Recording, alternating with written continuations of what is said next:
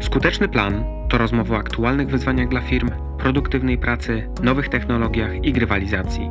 To właśnie dobre praktyki są kluczem Twojego sukcesu. Cześć, witajcie. Mam na imię Leszek Wojciech Król i bardzo miło mi Was przywitać w trzecim odcinku Skutecznego Planu, podcastu o strategicznym działaniu.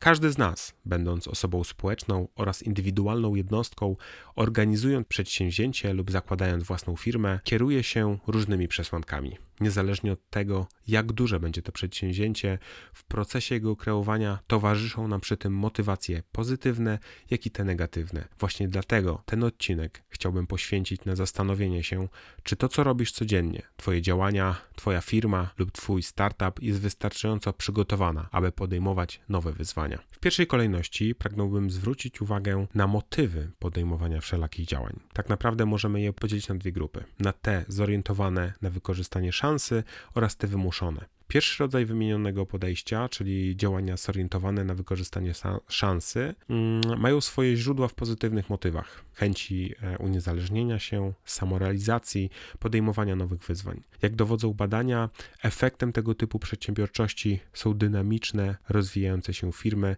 o jasno określonej wizji, których właściciele konsekwentnie dążą do ich spełniania. Działania wymuszone natomiast podejmowane są przede wszystkim z konieczności pozyskania środków finansowych na utrzymanie własnej rodziny, a w szczególności przy braku możliwości ekonomicznego zabezpieczenia swojego bytu. W związku z tym można powiedzieć, iż osoby działające zorientowanie na wykorzystanie szansy są w większym stopniu aktywniejsze, zorientowane na przyszłość, w sytuacjach kryzysowych również podejmują bardziej energiczne działania. Poszukują one również rozwiązań pozwalających na przezwyciężenie zaistniałych trudności. To właśnie ich sposób twórczego myślenia zwiększa szanse na sukces. Zastanów się, czy przygotowując się do nowego przedsięwzięcia, poświęciłeś choć chwilę, aby zastanowić się, czy ty lub twoja firma jest na nie wystarczająco przygotowana, aby w pełni podjąć się jego realizacji? Czy zdarzyło się tobie bez zastanowienia i przeanalizowania problemu podjąć jakąś inicjatywę, po czym e, niespodziewanie napotkałeś trudności? Impulsywne działanie sprawdziło się?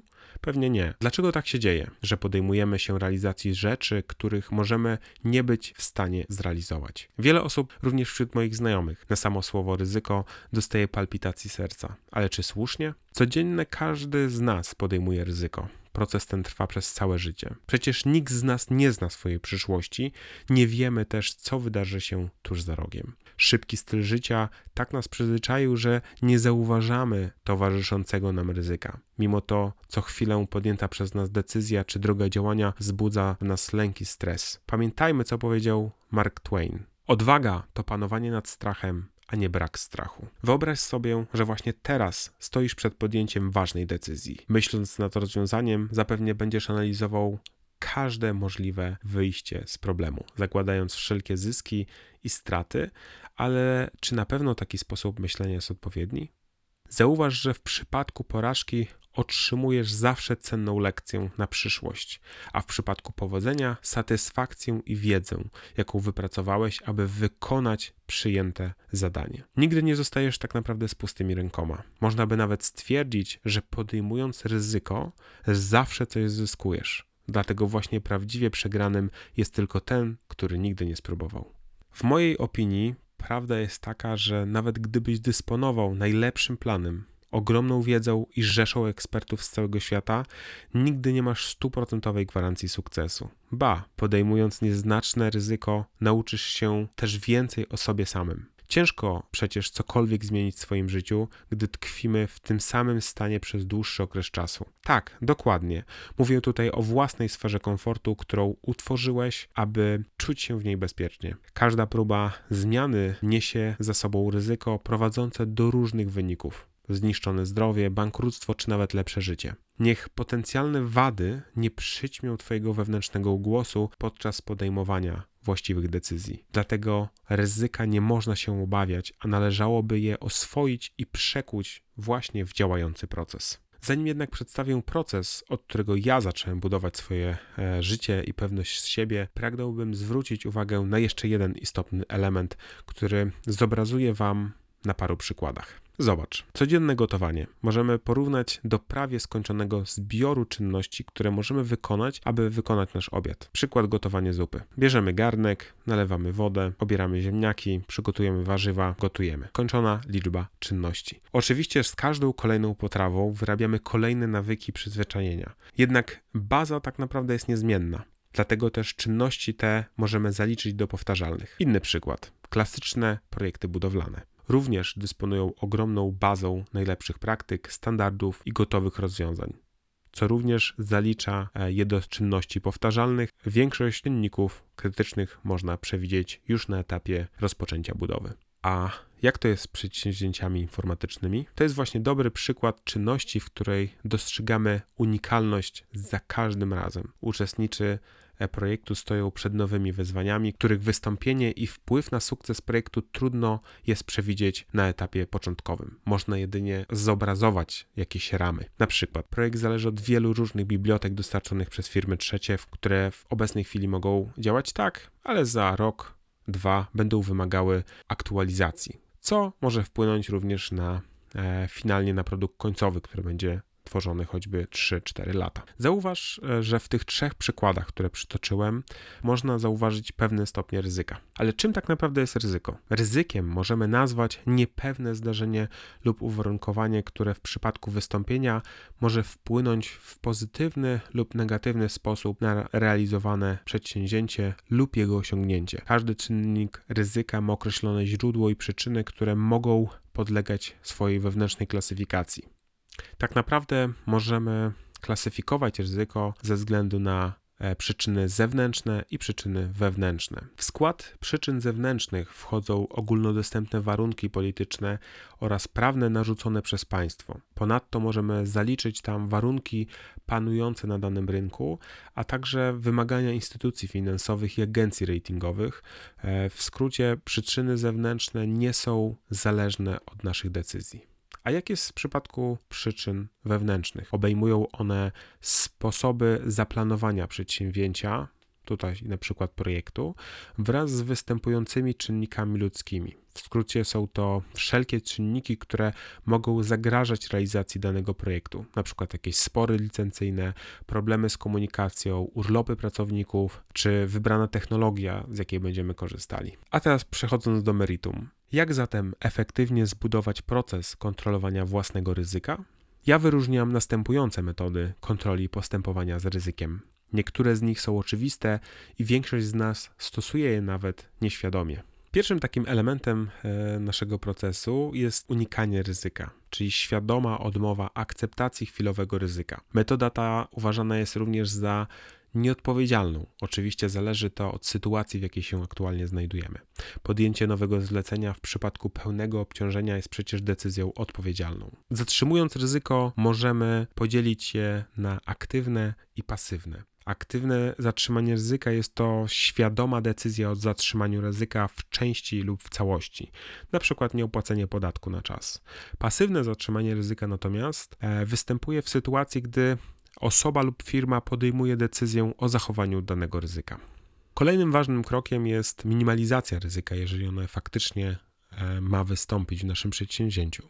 Na przykład wykonanie dodatkowej analizy, która pozwoli nam i naszemu zespołowi lepiej ocenić e, realizowane przedsięwzięcie lub dostosowanie tworzonego systemu. W pewnych sytuacjach również warto zakupić informacje, na przykład E, dokumentację do biblioteki, która jest elementem tworzonego oprogramowania, czy zakup jakichś gotowych szablonów, które możemy zmodyfikować tak, aby spełniały założenie, założenia podstawowe naszego celu. Dzięki temu niwelujemy pewne e, ryzyko. W całym procesie tworzenia naszego produktu, e, naszego przedsięwzięcia warto kontrolować ryzyko cały czas podczas realizacji tego przedsięwzięcia. Mam tu na myśli działania podejmowane w celu obniżenia e, częstotliwości występowania innych strat, jakich nie jesteśmy w tej chwili w stanie przewidzieć, oraz ich następstw, oraz redukcji tak naprawdę strat po stronie zaistnienia zdarzenia, któremu nie dało się zapobiec. W niektórych sytuacjach również przydaje się transfer ryzyka, czyli przeniesienie ryzyka na inny podmiot e, przy wykorzystaniu mechanizmów prawnych. Na, na przykład tutaj umowa ubezpieczenia, umowa przechowania, umowa o dozór obiektu oraz działania o charakterze organizacyjnym czy zabezpieczającym. Na koniec warto e, w każdym przedsięwzięciu założyć plan dystrybucji ryzyka, czyli jakąś metodę polegającą na podzieleniu skutków finansowych danego ryzyka na grupę osób lub podmiotów. Integrację z planem ryzyka polegającą na integracji planów działań poszczególnych czynników ryzyka z całowitym planem projektu. A jak ja podchodzę do analizy ryzyka? Analizę ryzyka rozpoczynam od wywiadu celem lepszego zrozumienia natury oraz zasięgu realizowanego przedsięwzięcia. Podczas wywiadu należy zebrać e, właściwie wszystkie potrzebne informacje, które pozwolą nam określić ramy projektu, który będziemy realizowali. Zebrane materiały mogą się również przydać do późniejszej ich opinii praktykami biznesu czy kluczowymi pracownikami, którzy cechują się większym doświadczeniem w obrębie wybranego zagadnienia. Bo tak naprawdę, jeżeli aktywnie nie uderzysz w ryzyko, to ono aktywnie uderzy na pewnym etapie w ciebie. Następnie, korzystając z wcześniej zgromadzonych materiałów, tutaj mam na myśli e, przygotowany brief projektowy, zebranie informacji od zespołu, e, różnych e, dodatkowych sprawozdań, jakichś researchów i czy innych jakichś raportów, możemy przystąpić do wykonania analizy ryzyka, która będzie polegała na przeanalizowaniu naszej obecnej kondycji, która wskaże nam, czy na pewno jesteśmy w tej chwili gotowi rozpoczęcia tego przedsięwzięcia. Pamiętaj, że dobrym zachowaniem jest również bieżąca obserwacja własnego otoczenia, zarówno pośrednia, jak i ta bezpośrednia. Kiedy już zrealizowałeś X przedsięwzięć i zdobyłeś e, kolejne cenne doświadczenia, możesz zacząć modelować swoje procesy za pomocą symulacji komputerowych, na przykład wykresów Ganta, które umożliwią Tobie prezentację stanu rzeczywistego konkretnego projektu. Ja podczas e, postępowania z ryzykiem wyróżniam dwa najważniejsze elementy: prawdopodobieństwo wystąpienia zdarzenia, które może wywrzeć wpływ na sukces mojego przedsięwzięcia, oraz e, element wpływu, w jakim stopniu wystąpienie danego czynnika ryzyka zaburzy nam planowany przebieg przedsięwzięcia i w jaki sposób wpłynie na inne nasze plany, bo przecież nie zawsze realizujemy wyłącznie jedno przedsięwzięcie. Możemy realizować w danym czasie, danym okresie czasu kilkanaście różnych przedsięwzięć na różnych frontach. Nigdy nie unikaj ryzyka. Staraj się zawsze zbadać grunt, na którym zamierzasz stać. Tom Gilp, uznany za założyciela lub głównego inspektora wielu dyscyplin technicznych, takich jak wskaźniki oprogramowania, software metrics i ewolucyjne metody zarządzania projektami, zaproponował, aby czynniki ryzyka podzielić na następujące grupy: na te znane, przewidywalne, nieprzewidywalne. W przypadku tych znanych, czyli takich, o których e, wiemy, że występują, nie znamy jedynie momentu ich wystąpienia oraz wpływu, jakie będą miały na realizację zadań projektowych, np. zmiana organizacji w przedsiębiorstwie, czy ciągły rozwój technologii powodujący co ileś miesięcy, np. konieczność dostosowania systemów teleinformatycznych. W przypadku tych przewidywalnych, co do których nie możemy mm, i nie mamy pewności, kiedy wystąpią, ale prawdopodobieństwo jest wystarczająco wysokie, aby brać je pod uwagę podczas planowania naszego przedsięwzięcia, na przykład rozliczanie się z podwykonawcami w oparciu o wahania kursów walut. I mamy również te nieprzewidywalne, czyli czynniki ryzyka, których wcześniejsze przewidzenie nie było możliwe. Doskonałym przykładem nieprzewidywalnych czynników ryzyka są klęski żywiołowe, wypadki czy odejścia kluczowych pracowników z naszej firmy. W jaki sposób zatem przystąpić do oceny ryzyka przy naszym przedsięwzięciu? Wyróżnia się kilka typowych technik identyfikacji, na przykład prowadzenie list kontrolnych zawierających grupy typowych, najbardziej popularnych czynników ryzyka, które możemy napotkać w naszym przedsięwzięciu, w naszym biznesie. Można też analizować czynniki e, decyzyjne, czyli przesłanki do podejmowania decyzji podczas planowania i realizacji przedsięwzięcia. Można też analizować założenia, których celem jest porównywanie warunków przyjętych przy realizacji obecnego przedsięwzięcia z dotychczasowymi doświadczeniami, zarówno naszymi, jak i naszych pracowników. Można też rozłożyć na czynniki pierwsze potencjalne zagrożenia i problemy, tak aby było możliwe wskazanie czynników ryzyka. Następnie na bazie zebranych materiałów możemy przystąpić do analizy ryzyka, która obejmuje ocenę prawdopodobieństwa i skali potencjalnych strat. Możemy to wykonać w oparciu o modele kosztowe, e, które opierają swoją analizę finansową, które jasno wskażą nam potencjalne zagrożenia. Możemy wykorzystać również modele wydajnościowe, badające wpływ czynników ryzyka na postęp przedsięwzięcia.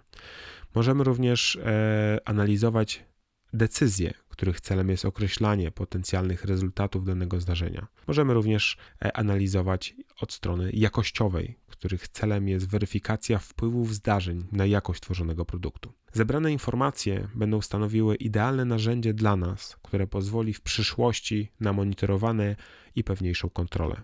Działania te powinny również doprowadzić do opracowania planu zarządzania ryzykiem, które stanowić będzie solidne zabezpieczenie zarówno ciebie, jak i twojej firmy. Zauważ, że ryzyko jest najistotniejszym wrogiem sukcesu naszego przedsięwzięcia. Zarządzanie ryzykiem ma więc podstawowe znaczenie dla osiągnięcia naszych celów, a zastosowanie odpowiednich technik pozwala je okiełznać i zminimalizować jego negatywny wpływ. Tylko cykliczne zarządzanie procesem i regularne realizowanie zadań gwarantują odpowiednią skuteczność i efekty. Dziękuję, że dotrwałeś do końca trzeciego odcinka mojego podcastu Skuteczny Plan. Mam nadzieję, że wiedza, jaką dzisiaj Tobie przekazałem, odmieni Twoje codzienne życie. Pamiętaj też, aby zasubskrybować mój podcast na ulubionej platformie podcastów. Trzymaj się ciepło i do zobaczenia w kolejnym odcinku.